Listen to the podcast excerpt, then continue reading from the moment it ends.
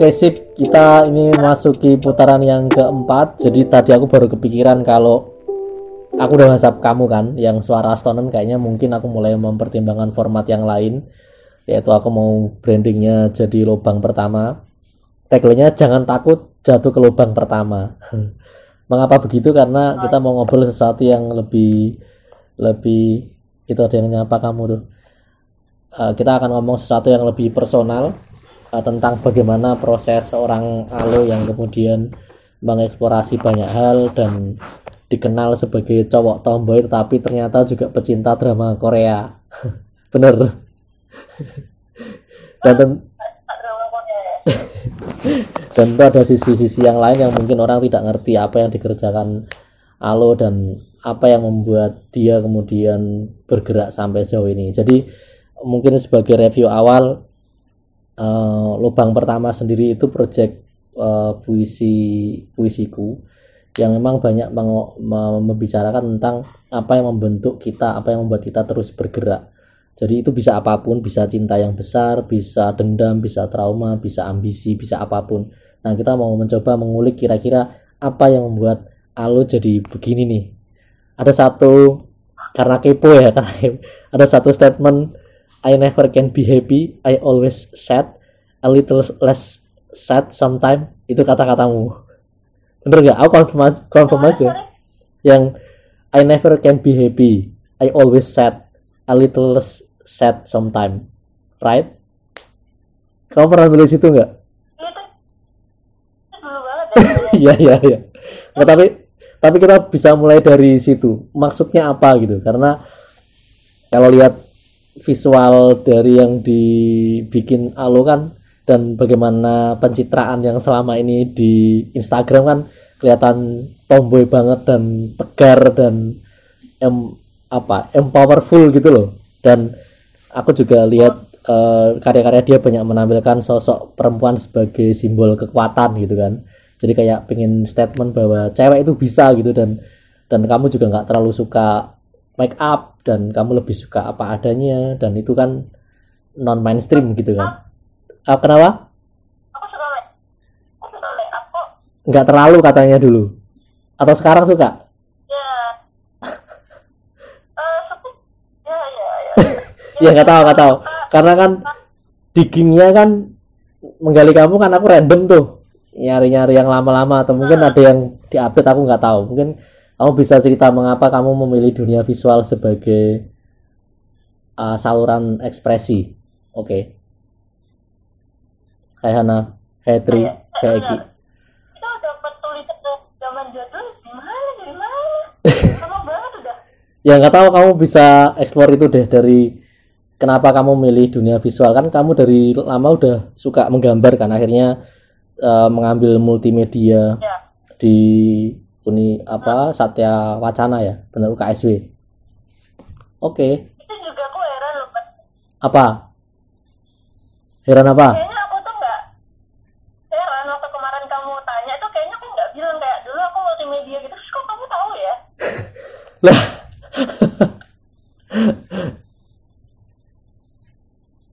Ya kan pasti riset kecil toh kira-kira biar nggak blank banget nanti nggak nggak nggak ini nih dan aku ini penyuka motor, job style.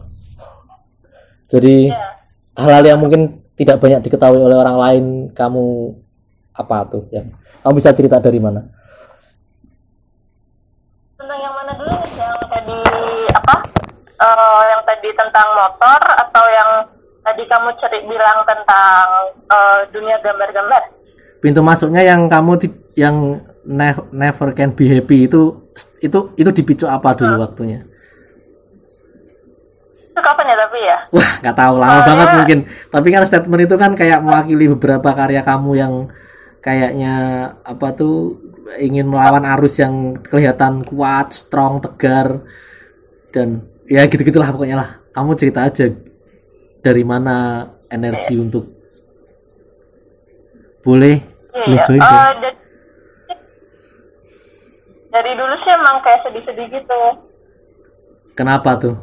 Ya jadi uh, kalau kenapanya aku juga nggak tahu ya tapi memang dari dulu kayak sedih. Kalau dulu sih sempat jadi kayak sempat ada uh, suatu hal terus habis itu udah sempat ke dokter konsultasi gitu. Oh ya ada sih kayak dapatlah uh, vonis apa gitu. Apa? Kenapa? Tapi vonis apa? ada sakit apa uh, jadi emang ada kondisi mental gitu. Tapi kayaknya emang sedih-sedihnya emang saya udah bawaan gitu kali ya. Kamu pernah pernah melacak itu bagaimana awalnya nggak sih? Lingkungan pergaulan pola asuh atau apa gitu.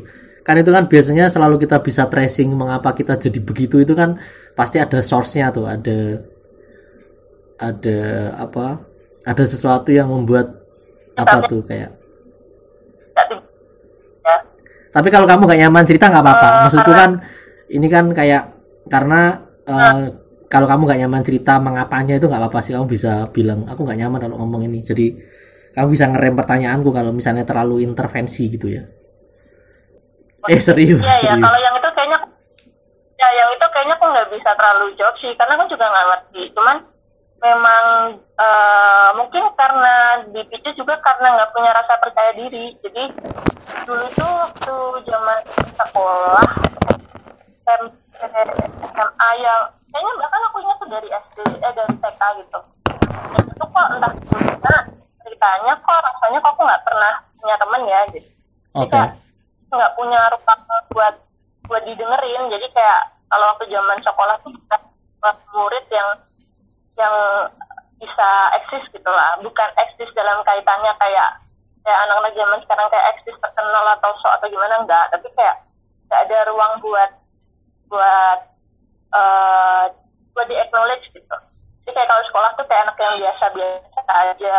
Terus ya kayak gitu-gitu aku rasa sih mungkin dari situ juga. Jadi kayak nggak punya rasa percaya diri. Terus uh, tapi kalau aku ingat-ingat sekarang ya udah nggak jadi begitu masalah sih.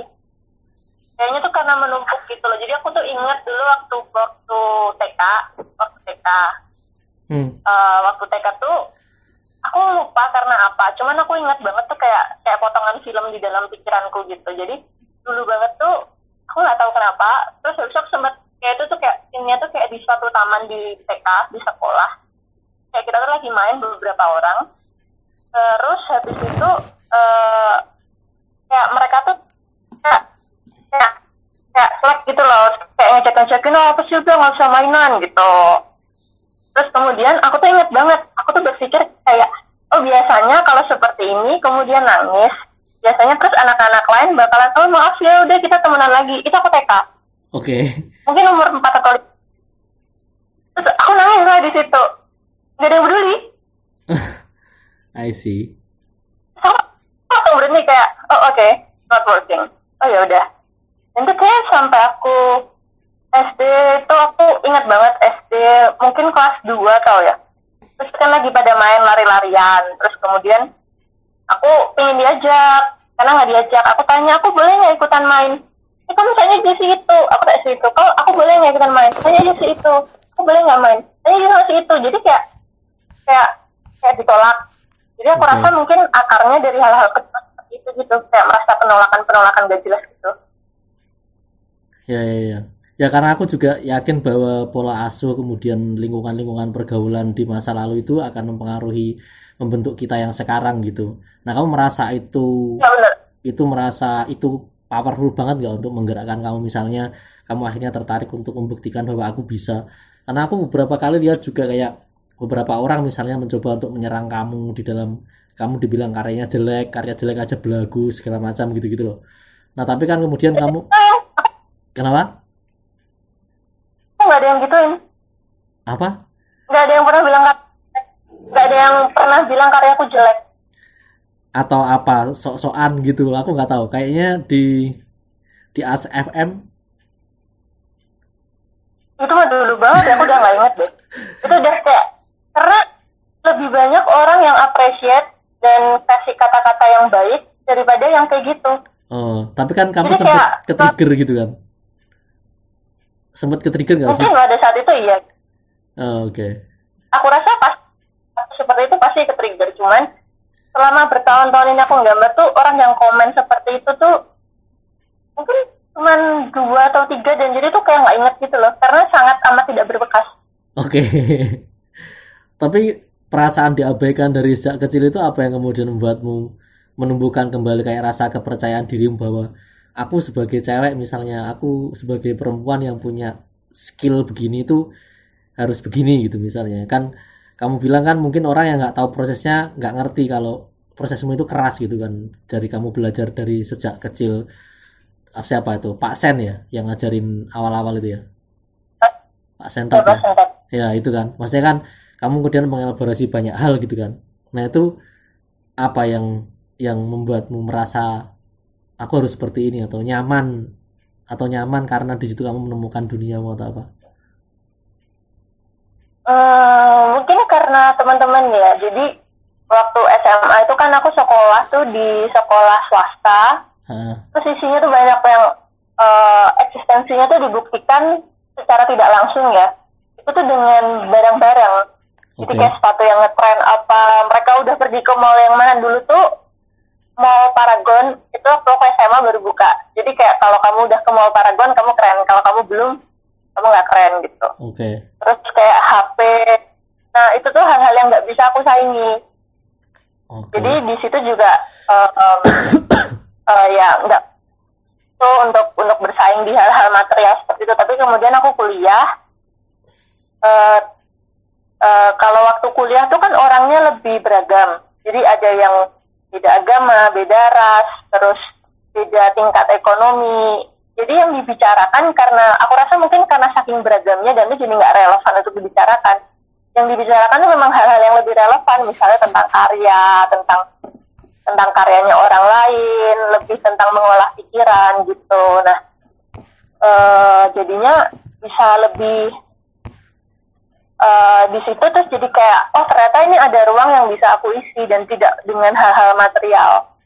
Kemudian jadi ya ber- eh, menggambar dan tetap berkarya tuh dari situ gitu. Dan apalagi eh, sepanjang perjalanan gambar kan bisa ketemu lebih banyak orang kayak Mas Adin bisa kenal. Kalau nggak gara-gara gambar kan kayak nggak bakalan kenal Mas Adin gitu loh. iya iya. Itu terus yang bikin gambar terus bikin berkarya terus karena ketemu orang-orang banyak. Bisa kenal si ini nih dia dari sini kenal si itu kenal Mas Adin. Kan aku kenal Mas Adin gara-gara acara yang di Semarang kan? Ya. Iya bener. Itu acara di Semarang aku nggak diajakin nggak diundang. Karena belum kenal waktu itu mungkin. Aku nggak tahu. Iya jadi ada temen aku eh nggak spesifik ya jadi ada temen aku eh, dia itu eh, orang Aceh. Namanya Arnis yang diajak tuh si Arnis. Nah si Arnis itu kan orang Aceh jarang-jarang dia apa ke Semarang ke Jawa Tengah apalagi eh, ke Semarang gitu. Terus dia ngajakin eh aku lagi di Semarang nih ayo ikut. Gitu. Makanya baru bisa bisa ikutan ke sana dan jadinya kenal Mas Adin. Itu dari temenku yang di Aceh malah. Jadi iya iya hal-hal iya. seperti itu gitu. Aku suka gambar? Iya iya iya. Tapi dorongan untuk menggambar itu dulu apa tuh? Karena kan uh, subjek apa objek meternya kan banyak cewek-cewek tuh dan banyak yang misalnya kayak agak setengah telanjang, kemudian uh, cewek-cewek cakep juga, terus uh, kadang-kadang dibubuhi teks-teks tertentu gitu. Misalnya tentang suasana hatimu atau apa gitu-gitu. Itu apa Ah. tuh? mengapa objek meternya itu gitu kayak yang dilihat kemudian gambarnya itu banyak yang itu gitu loh. Kenapa cewek dan erotika gitu? Yes misalnya itu ah. kenapa ya eh aku juga nggak tahu sih kenapa cewek kenapa gambarnya cewek.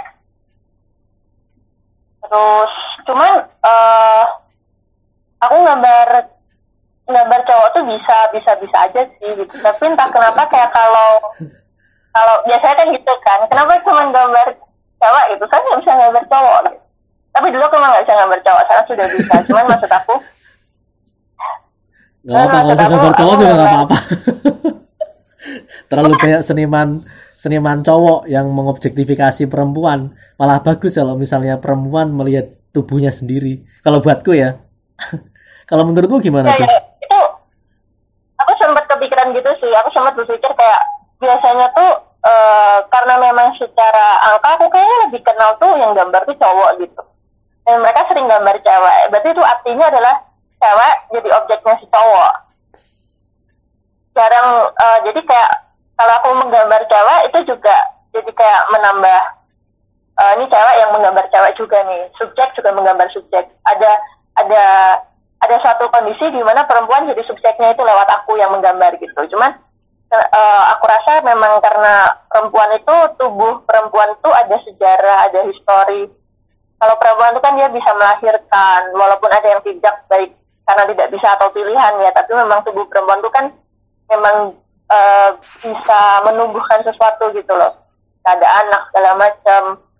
Uh, jadi uh, apalagi juga dengan perjalanan kayak perempuan tuh dianggap uh, sesuai uh, bukan dianggap ya tapi kayak ada semacam tuntutan-tuntutan tidak resmi ke perempuan yang berhubungan dengan tubuh misalnya kayak harus putih itu kan tentang tubuh yeah. Ya. uh, terus harus kurus apa itu semua melulu semua tentang tubuh dan itu adalah di mana kayak perempuan kok dituntut gitu loh nah jadi dengan aku menggambar ya aku membuat tubuh itu sendiri dan terserah aku aku mau seperti apa gitu jadi ada semacam sisi seperti itu kalau misalnya mau dikulik kayak keren-kerennya kayak gimana gitu. Tapi sepanjang aku menggambar ya itu terjadi gitu aja. Nggak aku nggak aku atur-atur kayak oke okay, aku harus gambar perempuan gitu. Tapi emang ya udah nyamannya gambar perempuan aja. Ah, oke. Okay. tapi waktu masuk ke dunia yang sedikit kayak didominasi oleh cowok itu ada penolakan nggak sih? Atau atau misalnya kamu juga menato tubuhmu juga bertato apakah keluarga juga bisa menerima dengan mudah misalnya atau ada penolakan atau justru karena ada yang nolak kemudian ya aku harus lawan stigma itu gitu misalnya. Dan misalnya dunia state artist juga didominasi oleh cowok-cowok. Itu kamu gimana ngerasanya waktu itu masuk ke dunia yang sepenuhnya uh, lebih banyak didominasi oleh uh, cowok-cowok gitu? Bagaimana kamu bisa memposisikan diri di situ? Dan tentu saja kan kadang-kadang juga uh, ada misalnya teman-teman yang mungkin merasa terintimidasi atau justru malah malah uh, memanfaatkan atau apa gitu gimana menurutmu? Uh, kalau aku sih uh, memang memang benar aku akuin kayak lebih banyak laki-laki gitu di dunia ini baik di street artist atau di berkesenian secara umum ya tapi kalau penolakan sih kurang lebihnya selama ini nggak nggak ada sih. Kayak misalnya kalau misalnya anak-anak pada mau nembok gitu mau gambar gitu nggak ada. Kayak karena aku perempuan terus habis itu ada yang kayak sinis atau seperti apa itu sampai sekarang nggak ada yang kayak gitu sih. Jadi aku nggak merasakan penolakan dalam dunia berkesenian gitu loh. Mungkin ada satu komunitas yang beranggapan kayak perempuan bisa apa apalagi kalau di jalan terus segala macam. Tapi entah kenapa di tempat yang aku temui yang seperti itu nggak ada. Mungkin malah aku kalau aku bisa bilang aku lebih banyak ketemu orang-orang yang respectful terus dia yang supportive dia yang oh nggak nggak nggak bawa-bawa gender sama sekali gitu loh. Kalau di dunia aku gambar sama ini ya kayaknya nggak ada yang kayak oh karena kamu perempuan kemudian terus apa itu malah nggak ada sih. Cuman kalau di kehidupan normal kehidupan lebih umum ada sih kayak uh, karena aku bertato terus diliatin terus um, pertanyaannya kenapa? ada aku karena aku lagi ke bengkel. Motorku tuh uh, waktu itu ngapain ya? Oh ini itu bengkel biasa jadi bukan bengkel custom. Jadi uh, walaupun motorku custom tapi biasanya untuk bulanan uh, maintenance bulanan gitu biasanya aku di bengkel biasa itu udah bengkel langganan kemudian aku lagi nunggu di sebelah aku tuh ada ibu muda bawa anak masih baby lagi nungguin motor juga. Dia tanya nggak dia nggak nanya. Tiba-tiba dia tuh nunjuk nunjuk tatoku nunjuk tangan. Tapi aku nggak sadar aku nggak ngerti gitu. Terus dia bilang oh nanti pasti nyesel. Aku bingung. Itu konteksnya tuh apa? gitu loh. Karena aku lagi nggak ngeh kan aku lagi lagi ngapain gitu. Tiba-tiba bilang nanti pasti nyesel. Kan karena udah pakai udah punya tato kan udah lama. Jadi nggak terlalu nggak terlalu ngeh kalau punya tato gitu loh. Tiba-tiba okay. ada yang kayak gitu terus aku baru kayak oh yang diomongin tato. Nyesel kenapa mbak? Ya nanti pasti nyesel. Nanti kalau misalnya punya pacar atau sudah menikah. Terus aku bilang aku udah tunangan. Oh iya tapi nanti pasti nyesel kalau punya anak. Kenapa? Anak saya harus nyesel. Iya saya ibunya bertato. Ah kenapa terus habis itu dia habis itu kebetulan motorku selesai. Kemudian terus kan ya biasa kan kalau motornya udah selesai kan mas-masnya oh ini udah nih mbak mau dicoba dulu nggak? Terus aku baru datang terus kayaknya oh udah aku percaya deh mas. Tapi ini udah ya udah udah. Terus aku duduk lagi. Banyak ngomong lagi oh pantesan. Pantesan apa mbak? Pergaulan ya. Maksudnya? Dia tuh motornya aja kayak gitu. Maksudnya apa? Gitu aku bingung. Dan entah kenapa waktu itu tuh aku kayak nggak ada nggak ada keinginan buat kayak balas atau menjelaskan apa. Setelah aku pikir-pikir sekarang aku merasa menyesal sih karena seharusnya itu jadi kesempatan buat aku ngomong kayak buat jelasin ke dia juga memangnya ada apa dengan tato? Ada apa dengan dengan barang-barang yang saya pakai? Maksudnya itu kan cuma appearance itu cuma fisik dan tidak bisa digunakan sebagai standar seperti apa gitu loh. Kan lucu banget kayak tato kenapa menyesal gitu loh. Iya iya iya. dan terus habis itu dia lihat motor pergaulan. Cuman setelah itu aku eh, itu membekas banget terus aku berpikir kayak padahal pergaulanku tuh sangat baik eh, pergaulanku itu sangat eh, memberi apa ya memberi dorongan yang positif mengencourage untuk terus berkarya terus berpikiran luas dan itu adalah lingkunganku yang ya yang orang-orangnya juga eh, kalau secara appearance pas eh, orang-orang seperti mbaknya bakal ngejudge gitu loh tapi padahal sebenarnya kenyataannya justru orang-orang yang seperti itu yang selama ini baik sama aku dan yang dia bilang pergaulan yang dengan tanda kutip itu adalah pergaulan yang sangat baik buat aku gitu loh Hmm, iya iya iya iya iya iya. iya. Tapi kan sempat juga ada yang kayak orang jadi salah paham karena melihat appearance-mu yang sangat maskulin gitu kemudian merasa terintimidasi kan. Itu gimana tuh? oh ini yang kemarin kita ngobrol itu ya. Ya aku juga banyak banget yang kalau misalnya abis ketemu aku eh ketemu literally ketemu secara langsung setelah sebelumnya tahu eh, Instagram aku biasanya bilang kok beda ya ternyata? Kok beda ya ternyata? Emang kenapa gitu? Kalau di Instagram kayaknya galak. Dan kamu kan Oh, juga iya, suka ngomong ceplas-ceplos toh? Kayaknya langsung ngomong gitu kan. Kayak yang ya kalau nggak cocok ya ngomong gitu, nggak yang kayak disimpan-simpan ditahan gitu kan. Atau gimana? Ya nggak sih? tapi tuh se- sebenarnya aku tuh jarang banget untuk nggak suka sama sesuatu atau sama seseorang jadi misalnya kayak makan apa ya udah itu dimakan kayak aku nggak nggak biasa nggak bisa kayak yang kayak misalnya nggak suka terus habis itu yang kayak langsung aku nggak suka ya aku nggak kayak gitu juga jadi ya benar-benar yang memang biasa aja gitu loh. Cuman memang aku kalau ngomong untuk berbahasa basi untuk jelimet dulu itu aku memang kurang pandai. Walaupun itu sebenarnya keahlian yang harusnya aku butuhkan juga gitu. Cuman kayaknya menurut standar aku kalau misalnya aku posisikan sebagai orang yang mendengar harusnya tuh nggak jadi masalah sih. Cuman kayak kadang-kadang orang tuh kebawa persona aku yang di Instagram. Terus waktu ketemu secara langsung apa mereka langsung mengkaitkannya dengan pikiran mereka sendiri kayak aku galak. Jadi kayak aku ngomong terus konotasinya nggak enak gitu. Tapi sebetulnya itu nyaman nggak sih? Atau atau atau seru aja tuh kayak orang jadi salah paham gitu atau? Awalnya seru. Awalnya karena biasanya tuh ketemu sama orang yang memang eh, butuh ketemunya cuman kayak sekali waktu dua kali waktu gitu loh. Tapi saat itu jadi eh, misalnya hubungan yang lebih panjang misalnya hubungan kerjaan atau hubungan ya memang yang tektokan butuh koordinasi itu jadi sangat amat menyebalkan. Karena apa pun yang aku ngomong apalagi sekarang kan masa pandemik ya kan lewat teks. Lewat teks itu tuh sangat amat mudah untuk kita overthinking. Itu jadi nggak lucu lagi. Soalnya apa pun yang aku bilang kita marah-marah. Itu udah nggak lucu lagi sih. Itu udah kayak jadi stigma gitu ya? Kalau alo galak gitu ya? ya Itu aneh Oh. banget sih Kalau di Bali tapi dulu, anehnya cuma Ya. orang-orang kenapa kenapa? tapi anehnya cuma anehnya cuman orang-orang tipe tertentu aja yang mikir kayak gitu kan ada kan kayak misalnya kayak eh, ini adalah teman teman di tongkrongan A ini teman tongkrongan B kan biasanya orangnya beda-beda ya Hmm. nah cuma orang dengan tipe tertentu aja yang salah paham kalau misalnya aku yang sama dibawa ke tongkrongan yang beda itu biasa aja nggak ada masalah. Hmm. Iya iya iya. Jadi cuman aku uh, mereka tapi kayak cuman beberapa tipe doang gitu. Kalau di Bali dulu berapa lama ya sebelum pindah ke Salatiga? Kerasa nggak sih ada perbedaan kultural yang yang ini nggak sih kayak mempengaruhi kamu selama di Bali sama di Salatiga? Aku dulu di Bali kan masih kecil kelas 1 SD sampai kelas 4 terus sama terakhir itu waktu aku magang sekitar tiga bulan di Bali. Hmm. jadi kalau waktu aku kecil sih nggak gitu kerasa ya.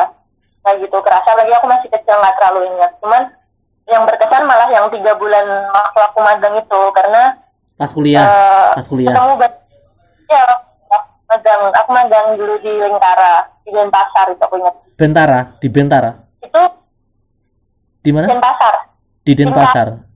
Denpasar. Oke. Okay. terus terus? Namanya Lingkara. Itu aku ingat.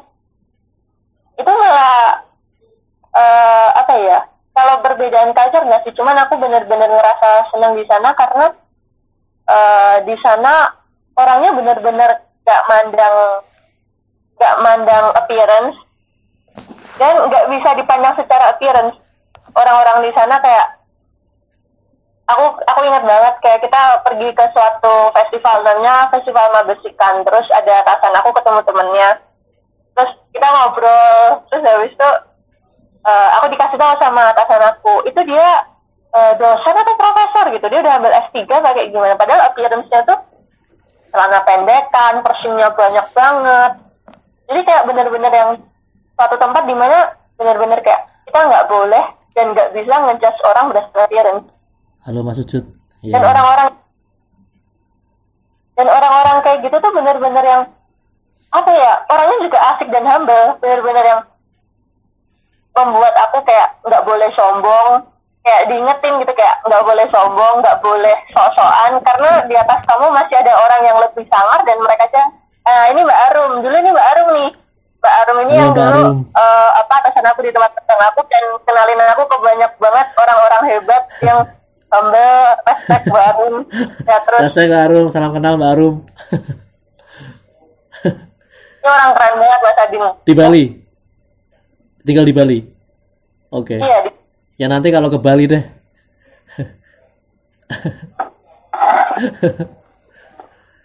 Terus uh, kalau kalau orang tua sendiri gimana? Ada penentangan nggak misalnya kamu mengambil jurusan seni waktu itu atau dari sejak awal disupport keluarga keluarga?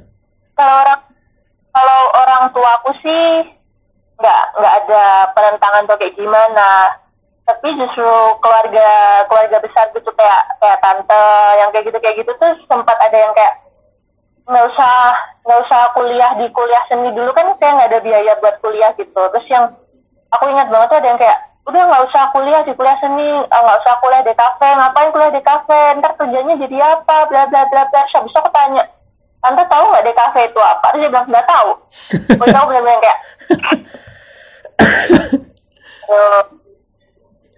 Yeah, Tapi yeah. kayak kalau kalau orang tua aku sih nggak ada penentangan kayak gitu gitu. Cuman uh, kayak keluarga besar yang kayak gitu tuh aku yang bingung juga kayak kita tuh kayak ketemu setahun sekali aja belum tentu kamu juga nggak pernah ngobrol sama aku kamu nggak tahu gimana keseharianku kenapa bisa tiba-tiba nyuruh aku ini itu gitu loh. Iya iya iya iya. Kalau NATO dan tertarik belajar tato gimana ceritanya tuh? Dulu punya temen tuh emang badannya tatoan semua kan. Terus habis itu uh, jadi dulu emang sudah minat tato. Jadi waktu SMA itu sempat yang cari uang tuh bikin tato-tatoan apa temporary temporary ya yang ngerti ngerti. Terus terus? Itu pernah uh, habis itu kuliah itu uh, sebelum magang di Bali itu sebelum magang kenal sama orang dia tatoan dia nawarin mau belajar tato nggak? Oh mau mau. Ya udah urunan beli jarum beli tinta. Oke. Okay. dari situ belajar nato tapi terus habis itu uh, kan aku magang. Jadi hmm. waktu magang itu ternyata alat tato tuh murah-murah. Iya iya iya terus habis itu tempat magang tuh aku punya temen. Uh, kita pergilah kita beli alat tato murah-murah itu. Terus kita nato-nato pulang dari Bali di Salatiga nah itu baru intens. Nato terus. Iya iya iya. Kalau proyek-proyek yang yang baru-baru apa tuh yang atau apa yang pengen kamu capai gitu kan? Karena kan tadi kan kalau aku tanya apa yang paling membanggakan dari yang sudah kamu lakukan gitu. Ya belum ada soalnya kalau bangga duluan kan nanti kamu nggak ekspor lagi tuh. Nah kalau sekarang apa tuh yang mau diekspor? Ya, Yang apa sih yang mau dikembangkan skill apa lagi gitu? Karena kan kamu berkarya di banyak medium kan. Apa yang menurutmu masih kayaknya kurang nih, kayaknya kurang nih, kayaknya kurang nih? Apaan tuh? Eh teman-teman kalau ada yang mau nanya nanya aja loh lewat komen nanti biar dijawab langsung sama Halo. kayaknya kalau aku sih oh bisa pakai filter ya ternyata ya keren deh. Bisa kamu bisa.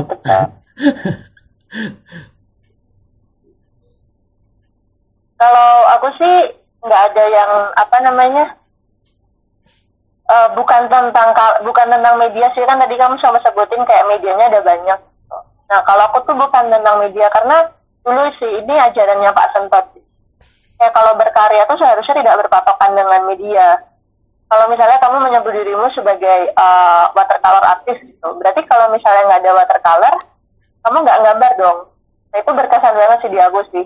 Jadi aku eksplor banyak media bukan untuk fokus di satu media, tapi memang untuk karena aku pingin eksplor secara teknis aja dan media-media macam-macam itu kan ada banyak apa ya? Ada banyak keseruannya lah di bawah media-media gitu. Jadi aku lebih pingin eksplornya mah tentang eh, tentang pesan apa yang aku bawa di karya karena kayak gimana aku bisa menampilkan suatu visual eh, bisa sampai seberapa jauh sih aku lebih kayak gitu sih bukan tentang medianya Tuh ada yang nanya tuh motormu dijual nggak? enggak lah ah taman tuh banget Nah, ngomong-ngomong soal COVID-19 nih, gimana nih kamu survival? Aman nggak? Atau gimana Ya. kamu killing time? tidak aman sama sekali Jadi gimana tuh untuk tetap untuk tetap eh, menjaga kewarasan tuh? Karena kan ini kan juga dalam rangka gabut banget kan akhirnya bikin project-project kecil kayak begini nih. Kalau enggak gila sih kayaknya rasanya. Karena di dalam kamar mulu dan ngajar juga bosen kalau online terus gitu kan. Terus banyak meeting online juga capek gitu ngeliatin laptop. Terus nonton film juga gampang bosen atau apalah nggak tahu. Gimana kamu killing time? Ya enaknya corona sih kita jadi punya lebih banyak waktu ya udah nggak ada alasan lagi kayak aku nggak sempet ngebar aku nggak sempet ngebaca aku nggak sempet ngapa-ngapain ya gini-gini aja sih untung karena aku masih ada kerjaan jadi masih ada kesibukan terus ya sama sih nonton Korea scroll gambar Apa favoritmu apa Korea. Korea? Kan nggak bayang tahu tuh selera Koreamu. Kamu lagi nonton apa nih sekarang?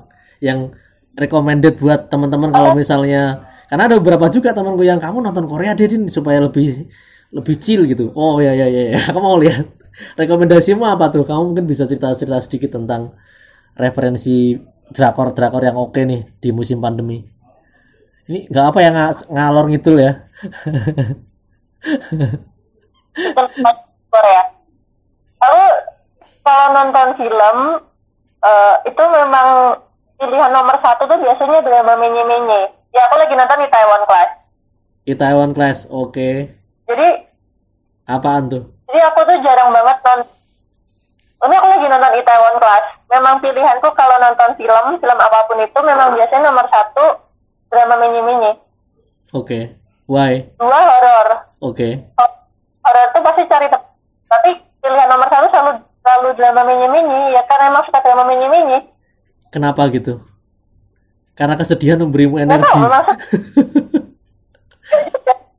memang suka, suka. Terus kayak baca komik, webtoon tuh juga selalu yang drama menye-menye. Bahkan kayak sekarang tuh kalau di Instagram, aku nggak tahu. Jadi ini pernah muncul juga nggak di Explore gitu. Eh, jadi di Instagram tuh ada kayak kreator Cina, sukanya bikin drama-drama tiga menitan, drama lima menitan tentang cewek nggak punya uang, terus ditolong sama orang, terus kemudian jadi tiga, terus dan cowoknya tuh eh, apa kesulitan, kemudian dia bantu-bantuin atau cowok diremehin karena miskin kemudian ternyata dia kaya. Itu kan menye-menye banget dan gak penting gitu. Aku suka nonton itu. Apa aja tuh? Coba kamu kasih rekomendasi itu apa aja tuh yang menurutmu oke kalau yang sekarang nih? Apa ya ya aku baru nonton di Taiwan kelas sama apa sih Crash Landing on You itu sih. Tentang apa sih itu? Mungkin yang nggak tahu sama sekali bisa punya gambaran. Siapa tahu ketularan. Gaya rambut baskom. Oh. Ya ntar aku lihat deh aku lihat. Taiwan Class itu kayak oh ada suaranya nggak ada suaranya. Halo? Kedengeran nggak? Halo. Oke. Benar. gimana gimana? Kalau Taiwan Class itu tentang ini sih apa tentang marketing. Tapi ada drama-dramanya gitu. Hmm, apa yang paling seru apanya tuh apa ya ini aku udah mulai nggak seru sih udah dua tiga harinya aku nggak lanjutin nonton lagi gara-gara temen aku bilang episode 12 ke atas nggak bagus terus aku kayak kebawa gitu loh terus udah episode 12 terus aku jadi kayak iya ya nggak bagus kayak kemakan omong Iya iya iya, iya. I see I see. Kalau project-project yang sebelumnya yang menurutmu kayak yang berkesan apa sih? Kayak oh aku menaklukin tembok yang besar banget gitu atau tantangan apa sih yang yang pernah Oh. kamu terima yang itu menurutmu agak berat gitu terus tapi akhirnya bisa kamu taklukin? kalau tembok yang Bisa tembok, bisa klien, bisa apa pun sih yang kayak wah kayaknya ini berat nih gitu. Terus tapi akhirnya oh selesai juga nih gitu. eh, kalau tembok yang yang kayak gitu aku inget tuh mungkin tembok yang besar itu waktu itu buat Sampurna di Solo Solo. Solo Hmm. daerah mana gitu. Itu 9 meter kali tiga kali ya. Panjang banget. Iya iya Jadi iya. aku bikin tuh berdua, berdua sama orang Solo. Dulu temen kuliah namanya Greg Data. Terus sih kayaknya berat banget.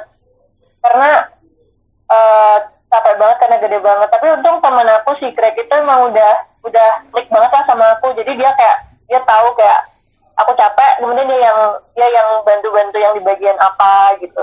Jadi karena kerjasama itu selesai. Kemudian yang kedua yang rasanya sulit banget tuh waktu ngerjain tembok eh, buat Andovi di Jakarta. Dia tuh orangnya profesionis banget mintanya tuh ada gambar Mahatma Gandhi kopi sama sensei ya kalau nggak salah. Hmm. itu bikin kopi itu kayak oh kayaknya nggak mirip deh.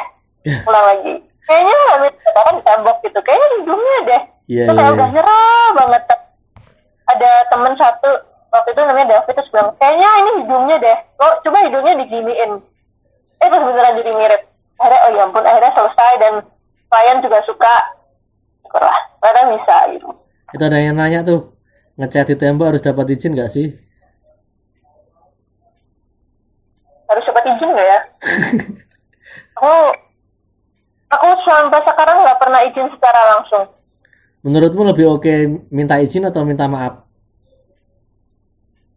Hmm, sama aja sih. Cuman kalau aku nggak pernah nggak pernah minta izin secara aku yang minta izin. Biasanya kayak kalau diajakin gambar, yang ngajakin tuh yang minta izin atau memang dipersilahkan atau aku langsung gambar aja. Tuh menurut Mbak Es setuju gak vandal dilarang? Karena sekarang kan lagi rame tuh anak-anak yang dicap anarko terus tiba-tiba ditangkepin karena bikin stensil. Itu kacau sih. Gimana tuh? Menurut Mbak Es setuju gak vandal dilarang? Sebenarnya kan vandal tuh dari awal memang udah kayaknya yang kita bicarakan tuh harusnya udah nggak cocok sama kata-kata sama pemilihan kata. Vandal itu kan artinya merusak ya. Hmm. Kalau misalnya vandalisme da- dalam artian sesungguhnya yang merusak itu memang menurutku pasti akan menimbulkan ketidaksukaan. Entah masyarakat entah yang punya aset. Eh, misalnya gitu ya. Kalau misalnya dia coret-coret di alam coret-coret di candi di tempat-tempat eh, yang dilindungi itu menurut aku sih emang udah orangnya udah salah gitu loh. Tapi kan vandal yang kita bicarakan tentang graffiti, street art yang dia eh, gambar di tembok, yang uh, fasilitas umum yang yang tidak tidak merusak gitu loh kalau misalnya kayak di candi itu kan itu itu sih salah gitu loh ya ya, ya. tapi uh, kalau untuk street art sendiri itu kan memang dari awal kan itu media untuk berbicara orang ya media untuk ngomong kayak uh, ada adrenalin di dalam kegiatan itu yang menjadikan suatu street art itu ya street art itu sendiri gitu. Jadi ya menurut aku sih mau dilarang atau enggak memang street art tuh memang jiwanya secara jiwa udah nggak bisa dipisahkan dengan yang namanya menggambar tanpa izin itu sih. Dan itu kan dianggap seni kan? Memicu adrenalin ya. Tapi pernah kena marah nggak sih? Pernah ada kasus dimarahin yang punya atau apalah nggak tahu yang pengalaman nggak enak di jalanan gitu. Pernah sih tapi nggak sampai gimana gimana kayak kalau urusan polisi satpol pp itu nggak pernah sih. Tapi kayak waktu itu di Medan. Terus sama siapa sih aku lupa deh. Di Medan terus uh, kontakkan sama orang Medan. Terus kita gambar. Terus kalau di Jawa kan bisa gini ya. Kita gambar terus kayak ih capek atau kayaknya aku belum serak deh lanjutin besok deh. Hmm. nah aku di Medan kayak gitu. Pas kayaknya aku nggak bisa selesai hari ini deh aku lanjutin besok. Dia tuh kayak Pak, jangan mbak jangan. Sekarang aja. Nggak mas sorry mas benar nggak bisa. Habis itu besoknya aku balik kan dia nekenin juga. Datangin orang dong dimarahin dibilang dibilang gambar setan. Iya iya iya iya bener bener bener tapi kalau kalau statement yang pengen diulang-ulang terus itu apa sih kalau misalnya kamu bikin karya? Kayak ini stateku ini kayak pernyataanku bikin karya itu kayak begini ini nih gitu. Atau ya kamu menggambar sesuatu yang emang kamu suka aja gitu. Mungkin kalau pernyataan lewat gambar nggak sih? Cuman aku uh, kegiatan berkesenian tuh sangat amat dipengaruhi oleh didikannya Pak Sempat yang tadi aku cerita. Dia sempat sempat juga dia kayak ngajar nggak ngajarin sih kita ngobrol terus dia bilang kayak perkesenian tuh nggak cuma tentang visual hasil yang kamu gambar. Nggak cuma tentang oh aku gambar ini loh walaupun mau sebagus apa pun konsepnya sehebat apa pun tekniknya tapi berkesenian itu nggak cuma tentang itu. Berkesenian itu juga tentang siapa kamu apa yang kamu lakukan uh, bagaimana sehari-harimu gimana tindak lakumu itu? Uh, jadi menurut aku mungkin aku nggak nggak bicara banyak tentang karyaku kayak karyaku ini bicara tentang ini bla bla bla gitu. Tapi ya aku jadi kayak mengamini bahwa dengan aku berkarya itu akan menambah menambah uh, ke sana kesenian di di mana pun aku berada bahwa ada ada perempuan yang menggambar seperti ini gitu. Karena uh, dulu waktu aku kecil tuh aku pernah ini ada hubungannya dengan representasi perempuan di okay. dalam dalam media. Hmm. Jadi dulu waktu aku aku pernah nonton TV, dulu Metro TV itu pagi-pagi, itu kan soft news gitu tuh. Dia tuh ngundang ada uh, graffiti artis. Aku nggak tahu tuh itu siapa, cowok-cowok. Aku nonton dan wah keren ya. Tapi aku berpikiran kayak itu cuma cowok doang yang bisa. Karena yang aku tonton cuma cowok, nggak ada ceweknya kan. Hmm. Kemudian ternyata setelah aku besar, sekarang ya aku bisa-bisa aja gambar gitu loh jadi aku beranggapan kayak uh, beranggapan kayak beranggapan kayak dengan aku tidak menggambar eh dengan aku menggambar uh, itu akan menjadi uh, suatu perwakilan bahwa ada perempuan yang bisa menggambar boleh menggambar dan bisa berkarya itu akan menjadi contoh untuk orang-orang lain untuk anak-anak lain anak-anak perempuan yang lain bahwa oh ada representasinya gitu loh. Jadi dia akan melihat ada ada uh, ada kemungkinan kalau misalnya dia mau menggambar bisa aja gitu loh. Ada yang pernah melakukan dan bisa aja gitu loh. Itu sih. Oke itu ada yang nanya tuh. Pendapatnya soal orang yang menggambarnya kopas. Nyaris mirip asli tapi gak dikomersilkan. Aku sering gambar film-film. Karena aku suka film Indonesia terutama film Indonesia terus aku suka nonton film terus habis itu gambar aku rasa nggak masalah sih kenapa gitu loh. Uh, asalkan intensinya kali ya. Intensinya dan aksinya itu tidak tidak melukai orang gitu. misalnya kalau dalam kasusku aku menggambar untuk mengapresiasi gitu loh. Ini loh aku ada film yang aku tonton bagus banget aku suka banget dan kemudian aku mengapresiasi dengan aku bikin gambarnya fan art. Menurut aku nggak apa-apa gitu emang ada yang dilarang dalam dunia perkesenian? Kayaknya nggak ada deh. Kalau kalau ini uh, yang keberatan soal objek erotis itu pernah nggak? Kan Indonesia kan juga banyak orang-orang yang pengennya melaw me, pengen menutupi segala hal yang berbau ketelanjangan kan? Pernah nggak sih? Benar terus? Pantaku itu. Pantaku itu. Kalau ormas ada belum yang ya? lain. Ormas belum ya? Eh? ormas ormas belum ya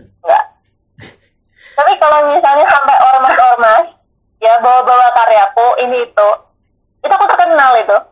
Iya kan? Nah, masalahnya tuh bukan siapa jadi nggak sampai ke mereka. Enggak lah nunggu nunggu nunggu. Nunggu dipublis aja lebih masif nanti juga akan ketemu radarnya mau nggak? Nah, tapi kan memang sebenarnya berkesenian itu apa ya mungkin memang itu tidak akan bisa diterima oleh semua orang. Memang tidak akan pernah bisa diterima oleh semua kalangan. Jadi apa pun yang terjadi dengan aku karena karyaku ya aku anggap memang itu bagian dari kekaryaan karyaanku. Misalnya eh, yang tadi aku bilang yang keluarga besarku tuh tante yang tak dari mana itu dia tiba-tiba telepon aku terus kemudian dia dia itu dia kayak bahasanya kayak mengingatkan tapi dia bilang kayak oh nanti bisa di eh ini ada temenku minta bantuan karena mata kuliahnya ngulang nih. Gimana bu? Mau mau kuliah ya Allah. Ya intinya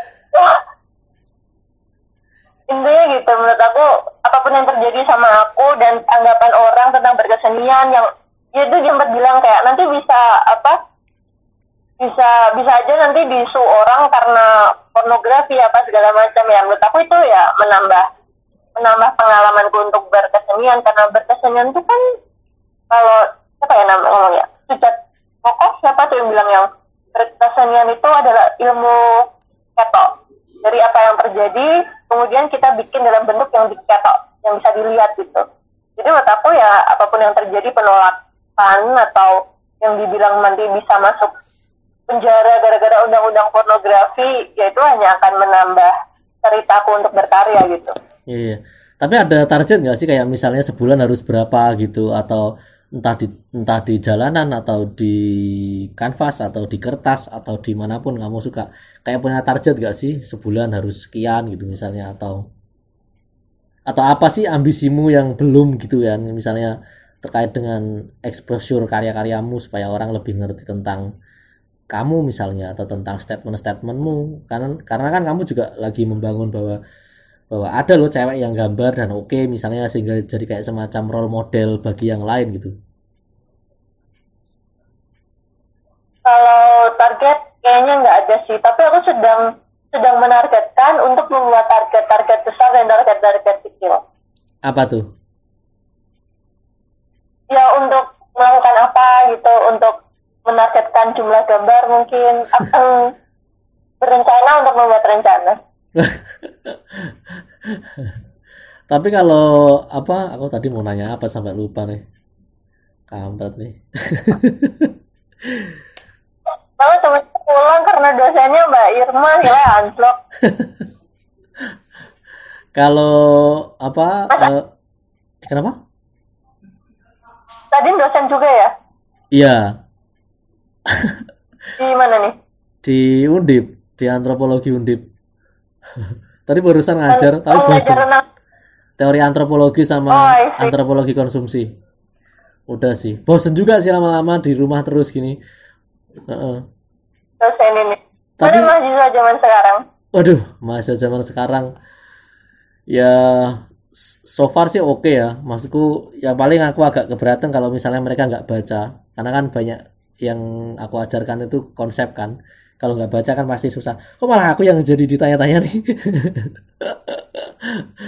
Kalau di Salatiga sendiri kondisinya gimana? Kayak misalnya eh, kamu lebih cenderung sebagai bagian kelompok tertentu atau kayak seniman independen gitu atau iklimnya gimana sih Salatiga kalau ngomong soal ekosistem kesenian di sana?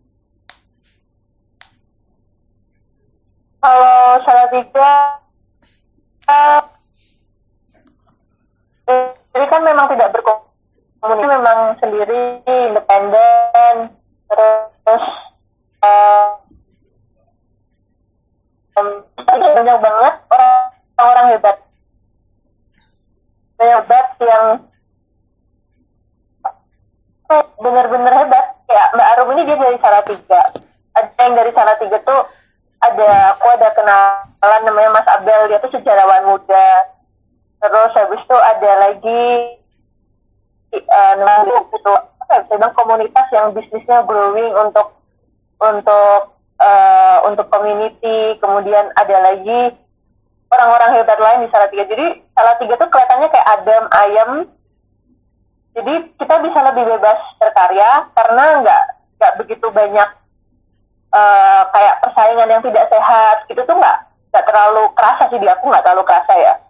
Tapi di sisi lain banyak banget orang hebat yang bisa terus menginspirasi gitu loh. Jadi menurut aku salah tiga tuh sangat amat berpotensi untuk jadi apa ya di suatu komunitas itu sendiri salah tiga yang saling saling melengkapi. Karena di salah tiga banyak banget orang-orang keren orang-orang hebat yang wah kok bisa gitu sih kok bisa kayak gitu sih gitu. Menarik sih maksudku menarik ya. Biasanya orang kalau ditanya soal soal ngomongin kotanya sendiri itu pasti banyak berkeluh kesah soal ekosistemnya yang nggak oke okay, misalnya atau uh, dukungan pemerintahnya nggak oke okay, atau sponsorship susah temennya yang saling sikut gitu kan. Nah ini menurutku menarik sih. Kamu punya perspektif yang cukup positif tentang kotamu. Dan kayaknya kamu sering promosi tentang kamu kalian dong ke Salatiga gitu-gitu gak sih? Ya kan? Kayak kamu bangga banget itu ya sebagai warga Salatiga which is itu bagus itu kalau bangga. Enggak ya enggak bangga ya, ya tapi, tapi biasa aja sih. Biasa, biasa aja sih. Tapi saat itu banyak orang keren. Nih kayak tadi bilang Mas Rama itu juga bagus. Ada lagi kayak skate skate apa sih pemain skateboard gitu. Uh, ya udah skala nasional apa yang apa ya? Namanya Mas Sulis itu juga udah jago banget. Ya lah bisa ada orang kayak gini gitu. Tapi memang dengan apa ya dengan positif dan negatifnya menurutku salah tiga memang memang enak sih Selain uh, hawanya dingin ya orang-orangnya juga ya, aku, tapi kalau pemerintah gitu sih aku nggak terlalu nggak terlalu peduli ya nggak jadi aku nggak tahu gimana perkembangan pemerintah dengan kesenian gitu aku nggak nggak terlalu nggak Aku pertama ke Salatiga itu yang terkesan ini dulu, Festival Mata Air. Lama banget sih. Oh iya. Kamu pas usia berapa tuh? 2008 kalau nggak salah atau 2009. Uh, 2008 aku aku Halo? Cek, cek. Halo? Suaraku kedengeran nggak? Wah ini kayaknya emang agak repot nih. Ini maksudku aku lupa matiin call WhatsApp. Jadi biasanya kalau aku di telepon WhatsApp itu atau telepon biasa, telepon WhatsApp biasanya, terus suaranya tiba-tiba hilang gitu, kayak beneran nggak ada suaranya gitu yang dari kamunya gitu. Ah, kau kawan, tadi lupa aku. Ayo teman-teman kalau ada yang mau nanya-nanya, halo nih kita masih ada punya sisa waktu 5 menitan kira-kira lah karena emang kita batasi supaya nggak terlalu panjang jadi nanti kalau ada yang penasaran bisa langsung DM halo atau misalnya ada yang punya gagasan untuk oke okay, kita minggu depan atau lain kesempatan ngobrolin apa bisa kasih komen sih.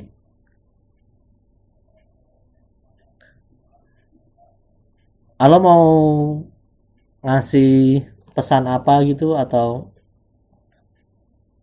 atau uh, closing statement kepada orang-orang yang mendengarkan. Nanti juga minta izin ini mau di podcastin ya rencananya ya. Jadi orang masih bisa dengar apa yang kita omongin.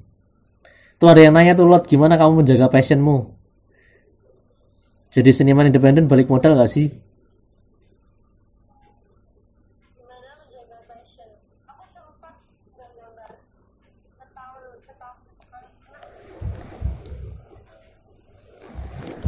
Sebentar, sebentar, sebentar. The Bluetooth device is sebentar, sebentar, sebentar. Halo, tes, tes. The Bluetooth device is connected successfully. Halo, oke. Halo, halo. Gimana gimana? Aku sempat, aku sempat nggak gambar. Kira-kira mungkin satu setengah tahun. Mengapa Ya, itu? bisa dibilang itu lost passion. Karena Jadi aku aku gambar, terus lah kenapa kayak nggak puas kayak, kok gambarnya jelek banget sih? Oh, gambar kok kayak gambarnya nggak bagus sih? Oh gambar kok kayaknya gambarnya nggak nggak bagus sih? Terus habis itu aku berpikir kayak kenapa aku jadi nge-push diriku ya? Jadi aku coba-coba gambar kok aku kayak kayak kayak memberi memberi standar kayak gambarku harus seperti ini, harus bagus, harus keren gitu. Dan aku malah jadi kayak ini aku gambar jadi nggak ikhlas ya. Jadi aku nggak gambar. Kira-kira mungkin satu satu setengah tahun yang kalau aku kirim ke kamu yang aku bilang yang dua tahun terakhir nggak pernah ikut pameran sama sekali itu kan. Nah itu masa-masa seperti itu. itu gimana Jadi bisa kemudian, mengembalikan? Terus terus terus. Ya itu, jadi kemudian aku terus kayak memutuskan, udahlah daripada aku gambar, nggak ikhlas sama diriku sendiri, mending aku nggak usah gambar sekalian. Dengan terus habis itu aku jadi nggak memaksa diriku buat gambar, terus jadi ada keinginan buat gambar kan. Jadi kayak aku gambar cuma saat aku benar-benar pingin dan suka. Nah itu sih, terus habis itu jadi kayak belajar lagi buat suka gambar, belajar lagi buat kayak inget kenapa sih aku dulu gambar pertama kali itu karena perasaan-perasaan seperti ini gitu loh. Apa tuh? Jadi itu Perasaan yang apa? kemudian akhirnya Perasaan seperti ini tuh apa? yang nggak tahu nggak tahu ya aku juga nggak bisa ngejelasin sih cuman kayak waktu gambar tuh bisa ngerasanya tenang bisa ngerasa bebas bisa bisa ngerasa punya keinginan buat mengulik sesuatu gitu jadi setelah aku memutuskan buat udah kalau nggak bisa gambar kalau nggak mau gambar nggak usah gambar kalau untuk mempertahankan passion aku nggak tahu sih cuman aku belajar untuk nggak memaksakan diriku untuk untuk jadi keren, untuk jadi gambar yang bagus. Kemudian eh, aku selalu jadi kayaknya pada masa itu kemudian yang membuat aku ingat eh, apa ngebuat aku terus berkarya di masa-masa seperti itu ya aku jadi ingat lagi kenapa gambar pasti aku awalnya aku melakukan ini tuh karena apa gitu dan itu yang akhirnya ter- terus membuat aku terus yang gambar lagi gambar lagi ya karena itu Jadi termasuk cara kayak membangun self esteem gitu ya, kepercayaan diri juga, terus lebih menghargai diri itu karena aktivitas itu ya. Dan kamu kan direkognisi karena itu kan? Iya nggak sih? iya benar Ngapain? karena gambar Iya iya. Sama tadi ada yang nanya balik modal nggak mbak gitu? Nah masalahnya modal awalnya ini apa ini? Nggak tahu nih. Waktu yang pasti yang paling Wah, mahal. Kalau bisa dimonetize itu mahal banget tuh. Waktu yang sudah kamu habiskan Ya, untuk benar. proses. Kalau Cuman kalau material, aku pikir kan memang ada ya kayak eh ya kalau aku maunya gambar kalau bisa dapat uang dari menggambar gitu. Dulu aku pernah dapat uang dari menggambar full time gambar dan ternyata itu malah sangat amat tidak. Ternyata itu tidak terlalu cocok buat aku. Jadi akhirnya malah sekarang aku kerja kantoran eh, dan itu malah bisa aku lebih lebih oke untuk aku berkarya itu lebih oke. oke. Jadi kalau misalnya mau dibilang balik modal apa enggak, modalnya ini apa gitu loh. Karena aku juga nggak keluar uang begitu banyak juga buat gambar gitu loh. Karena kan nggak langsung tiba-tiba beli yang alat gambar yang mahal atau kayak gimana itu. Tapi kan itu kan berjalan bertahap gitu loh. Tapi apakah kesenian menghidupi baik secara eh, uang atau secara tadi yang kamu bilang eksistensi hidup kita gitu, menurut aku iya gitu. Oke, terakhir nih karena bateraiku juga udah mulai drop dan ini udah lebih dari satu jam.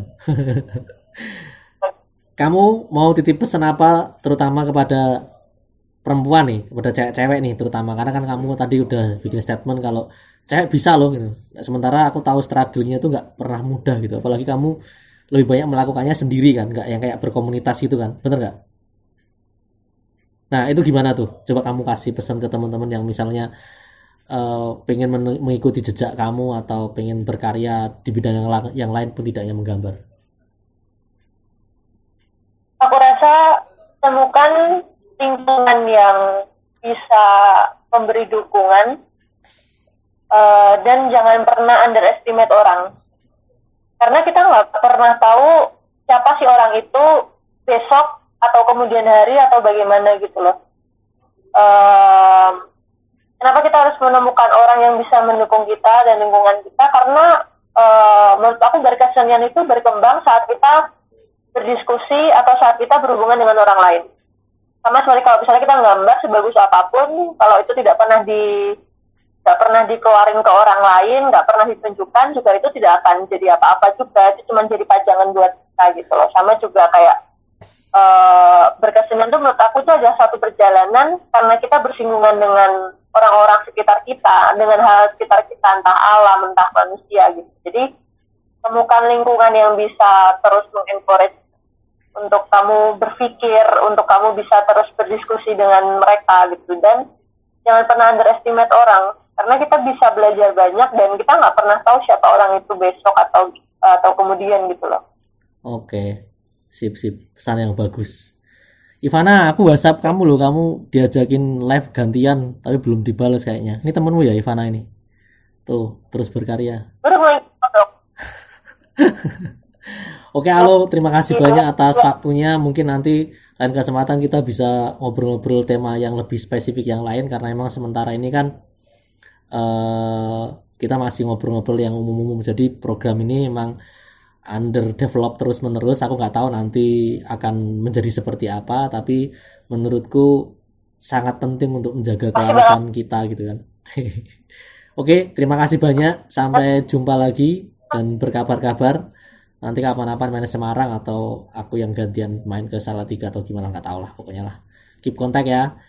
Teman-teman kalau misalnya ada ya kalau ada yang mau usulan uh, ingin talk dengan siapa atau tema usulan apa mungkin bisa DM atau bisa komen. Nanti kita cari cara supaya bisa merealisasikannya sehingga bisa mengisi waktu yang makin membosankan ini.